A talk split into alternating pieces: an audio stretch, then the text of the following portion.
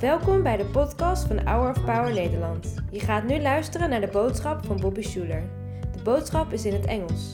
Liever met Nederlandse ondertiteling erbij? Bekijk dan de uitzending op hourofpower.nl of op ons YouTube kanaal.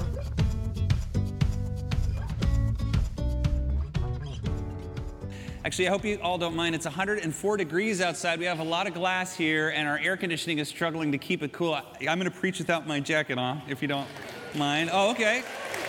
Okay. Maybe I'll get rid of the jacket altogether. Choir, can you guys take your uh, what, folders and just all at the same time? A little, little more. Oh, I can actually feel it. That's good. cool. Thanks, guys. I feel better now. I appreciate it. Well, welcome everyone. Uh, today I want to talk about your future. What's your future like? Future is a precarious thing. Many of us worry about it, whether it's tomorrow or a month from now, whether it's our inevitable death. Um, can I tell you, I don't know what your future holds.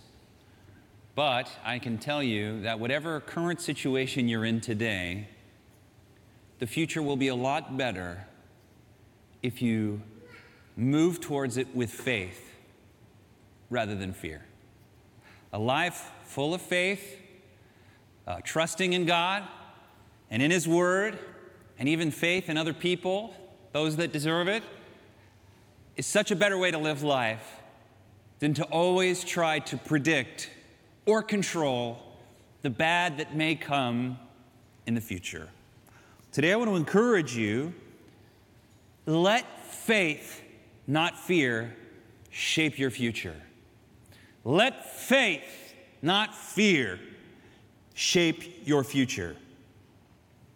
There is something about living a life of real faith Many of us who are believers or have been for a long time, some of us have experienced this moment where maybe in the natural not everything is great, but something on the inside has changed.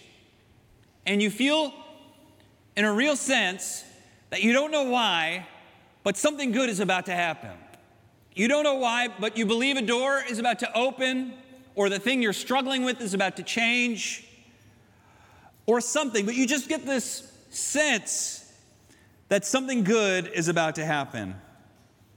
And although faith is not a feeling, it's a trust in God's word, there's something wonderful when you decide that your behavior is going to respond to the promises and processes of the Lord rather than all the things in life that we cannot control. Fear causes us to hoard whatever it is our time, our money, and our life. But faith opens our whole life as a fist opens to embrace a friend. So does our heart open to the kingdom of God and to serve and to love our neighbors. But it's faith that does it. It's faith, not fear. How can you build your dream, your future, your business, your ministry, your family? How can you have an idea that's bigger than is possible for you if you don't have some faith. We all need a reason to wake up in the morning. We need something to live for. We need a, something we can picture in our mind that if I had this or made this thing or did this thing, it, it would mean something to me. We all need that in our life. But how can we have that if we live life afraid and are always trying to control what we cannot control and are crippled by worry about the future. My friend, let faith, not fear, shape your future. Let faith shape your future. You'll be glad you did. It'll make all the difference in the world. There is a gift in having nothing and being a believer. It's the same gift that you got from fasting. It's learning that God will always provide for you your daily bread and all that you need when you need it. You don't really believe that until you experience it, but when you do, you switch from an abundant life in the natural, but is crippled because it feels like a life with a, a, a life of lack. You abandon that life of lack and receive a life of abundance when you start getting your daily bread. Hannah and her family, they grew up in a town, little town called, you have to say it this way, Tahlequah, Oklahoma. Tahlequah. It's actually really, I love Oklahoma. And Tahlequah is a, is a one horse town, college town. And they grew up in Section 8 housing, on food stamps, didn't have a lot. One day, Hannah was uh, doing the laundry with her mom, and uh, there was a $20 food stamp, which, back, which today is a lot, but back then was a whole lot. And it had gone through the laundry, and then when they were folding, they found just the rolled up little paper balls and shreds of this thing. And her mom, of course, was going to throw it away. And she's, she, I don't know how old you were, seven, eight, something like that. She said, Don't throw it away. I, I think I can save it. So she took those little pieces home with her mom's permission. Her mom said, If you can save it, you can have it. She carefully pulled out every little bit and taped it all together with scotch tape where it looked pretty decent. Then she went down to an AMPM and went and got $20 worth of kid candy, which back then a whole dollar got you a whole lot. So she had like, you know, whole bunch of stuff and just went with slushies and just went boom. And can you imagine this little girl, cute as a button, with this, you know, just food stamp, you know, handing the food stamp to the guy at the cashier, and he took it. Is this not the picture of faith? You know, ego gets in the way so often. But faith says it's not how good the stamp looks, it's what it says on the bill. This is a contract. This says this little girl gets $20 worth of whatever she wants, and the government's gonna pay for it. And I believe that this cashier will honor it. And he did. So much of life, a life of faith, is not about how things look or how you feel, it's whether or not you believe that the words on the contract are valid. You take an old $100 bill and you throw it on the ground and you stomp on it and cover it in mud, and it's worth just as much as another $100 bill that just came off the mint. And in one year, they'll all be worth 10% less. well, I think that those experiences build a person. In fact, Hannah's dad, who was the man providing for that house that was heavily dependent on charity and on goodwill from the government, now as a wealthy, very successful business person.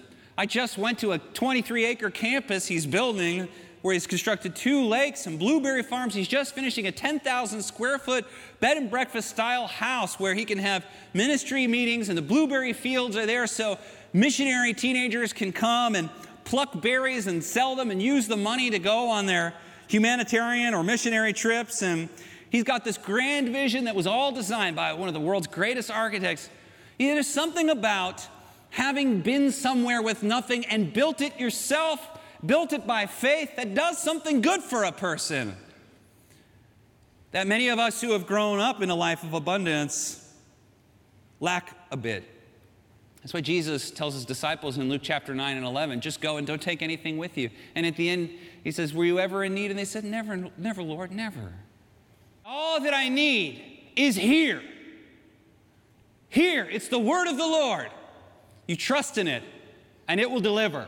You trust in the word, it will deliver. The Holy Spirit is an ally. And what an ally he is. He is. You trust your life to the Holy Spirit, you trust your life to Jesus, things will go well for you. Let faith, not fear, shape your future, and life will go really well when your best friend owns a cattle on a thousand hills. He'll take care of you. Amen. Providence, we talk a lot in the Reformed tradition, this tradition, is God's perfect will. What we forget is God's perfect will for you is always good. It's God's will for you is always good. Respond to that in faith. In Jeremiah chapter 18, the prophet writes, This is the word that came to Jeremiah from the Lord. Go down to the potter's house, and there I will give you my message. So I went down to the potter's house, and I saw him working at the wheel. But the pot he was shaping from the clay was, was marred. That means it was kind of messed up. It was, you know, didn't look good. It was marred in his hands. So the potter formed it into another pot, shaping it as seemed best for him. And the word of the Lord came to me, and he said, Can I not do with you, Israel, as this potter does, declares the Lord? Let clay in the hand of the potter, like clay in the hand of the potter, so are you in my hand, Israel. Let us leave our hearts in the hands of the Lord and let us be malleable, pliable, soft, and tender-hearted in the hands of the Lord. That's what faith really is. Faith is tender-hearted. Have you ever done anything with clay before? Have you ever seen someone shaping clay? You know what it's like to put your hands on the clay and maybe take a little more or a little less and you, you shape it and it goes it goes wide or it goes high or maybe it gets lumpy or gets a weird stripe in it it's so easy to fix it to change it to mold it. If god were a potter i would imagine he would be the best potter there ever was. And that whatever pot he would make would be the most fantastic beautiful amazing pot anyone could ever imagine. Let our hearts be this clay in his hands. That's what it means to live by faith, is to trust that he has my life and the whole world in his hands. If you knock over a lump of wet clay, you know what it says? No problem. Whatever, no problem. Wet clay is pliable, malleable, and changeable. We often think of soft things as fragile and hard things as robust. But boy, is that the opposite. If you take a, a lump of clay that's dried out and been left alone and you push it off the edge, it's going to shatter into a million pieces. That doesn't sound robust to me. That sounds pretty fragile. Very often we think faith makes us hard, it makes us power up, makes us, it doesn't make us hard, it makes us soft soft to the word and the will of God. And boy, is that a great place to be. It's wet clay that's robust. If you have a piece of wet clay and you punch it, you know what that wet clay says? No problem. Take that wet clay and you push it off the table and it hits the ground, you know what I was to say? No problem. Let our hearts be like wet clay in the hands of the Lord. Let us be tender-hearted people. Can we just say that tough-minded faith always comes from tender-hearted people? and that we will ask of the Lord to shape us in whatever way He wills because we trust that the future that He can shape is better than the future that I can. And that that's just a better way to live at peace with God and with my neighbor and with my future. You can be at peace with your future. It's very bright if you do it with Jesus. Let faith, not fear, shape your future. Think about all the things you may be worried about I guess, my friend, is 90% of them you can't control. I can't control that. Here's, here's a better question Can I give it to the Lord? Can I trust Him with it? What do you think? You think you can trust that to the Lord? I know it's scary, but I promise you, you can. Faith is the anticipation of victory. Faith is the anticipation of good based on God's character. God is only good. He only does what is good all the time, no matter what. And that is a good thing. So, here's one of the best things about faith is faith allows us to open our lives up to people. It's not just to God, but it's to people. And this is one of the things I realized recently is the promise of people. Wow, the promise of people. I remember uh, know, the World's Fair is an interesting thing. There have been World's Fairs going on for a long time. They, they call it the Expo now. And in the year 2000, I was only 19 years old, and I was invited by David Mainse, actually, to go and work at the World's Fair with his company and ministry. And um, it's, a, it's an awesome thing. They always do these great things where you have Big countries with lots of money build their own pavilion. Usually, the host country, in this case, it was Germany, built this gigantic, I want to say 400 million euro building to showcase their nation. And each country had its own thing. And then the smaller countries shared a giant building and they would have like little booths. And, I, and they always have an amazing building. Like, so, like the Eiffel Tower was built from the World's Fair, the Seattle Space Needle was built in the World's Fair. Anyway. And I remember I wanted to go, but I was only 19 years old. I was a barista at Barnes and Noble, and I didn't, couldn't afford the thousands of dollars it was going to cost me to get there. And my grandpa Schuller told me, I'll pay your way if you fill your Rolodex with the people you meet there. If you fill your Rolodex with the people who meet there. Is there any, anybody here who's under 25, by the way? Can you raise your hand real quick? Um, do you, where somebody, I saw a couple hands go up. Where? Do you know what a Rolodex is? From last service, he says. We didn't before? That's good. That's good.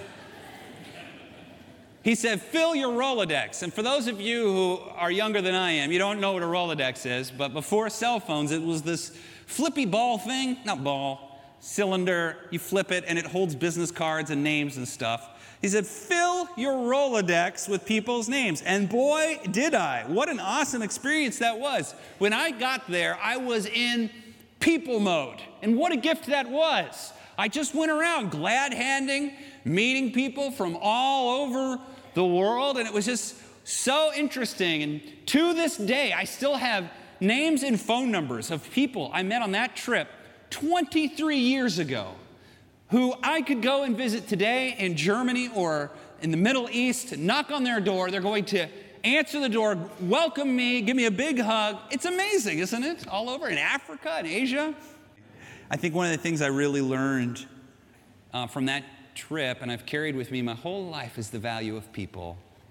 Wow, what a value there is in people, in having a, a lot of friends, especially friends that come from different perspectives than you do. You want a real education, surround yourself with people who have different philosophies and conclusions.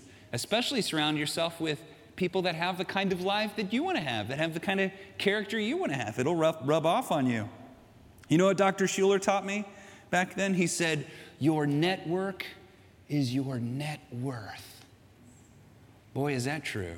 You might lose all your money, but if you still have your friends, you're in a good spot, my friend.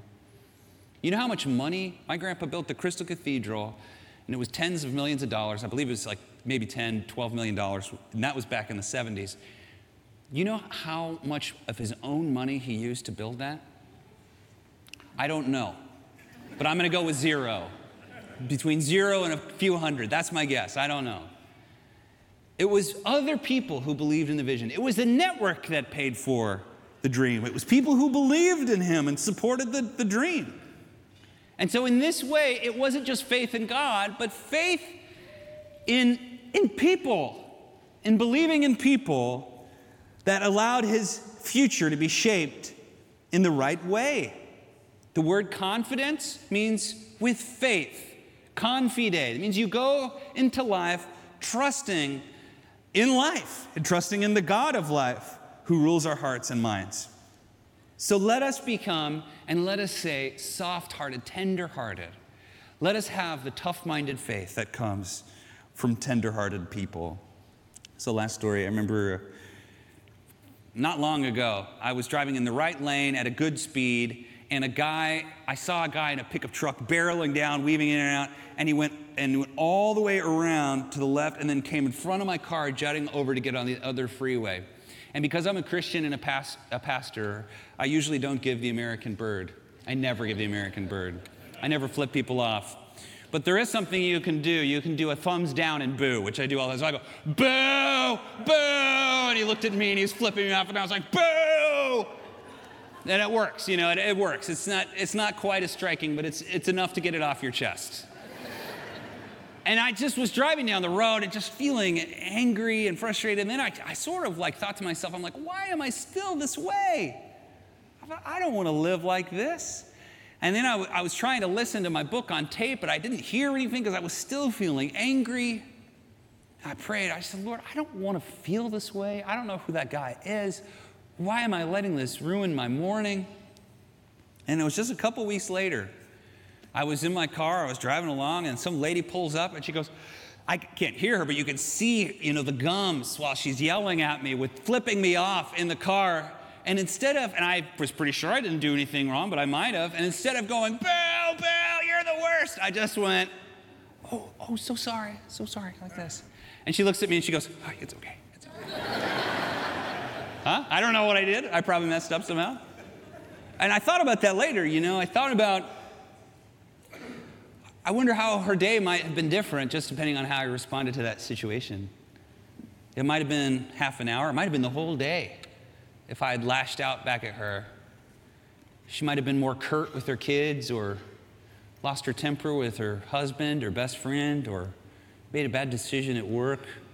But instead, maybe she was able to go a little bit more graciously with the day because someone didn't let her have it. I'm done with letting people have it. How about you? I think uh, I want to just have faith that God will take care of that. I don't need to sort it out. I don't need to tell it like it is. I don't need to fix people. I don't need to predict the future. All I got to do is just trust the Lord uh, with faith. Let faith, not fear, shape your future, and your future will be a lot brighter. The whole world will open up to you, and uh, things will be much better. Amen. Bedankt voor het luisteren naar de podcast van deze week. We hopen dat deze boodschap jou heeft bemoedigd.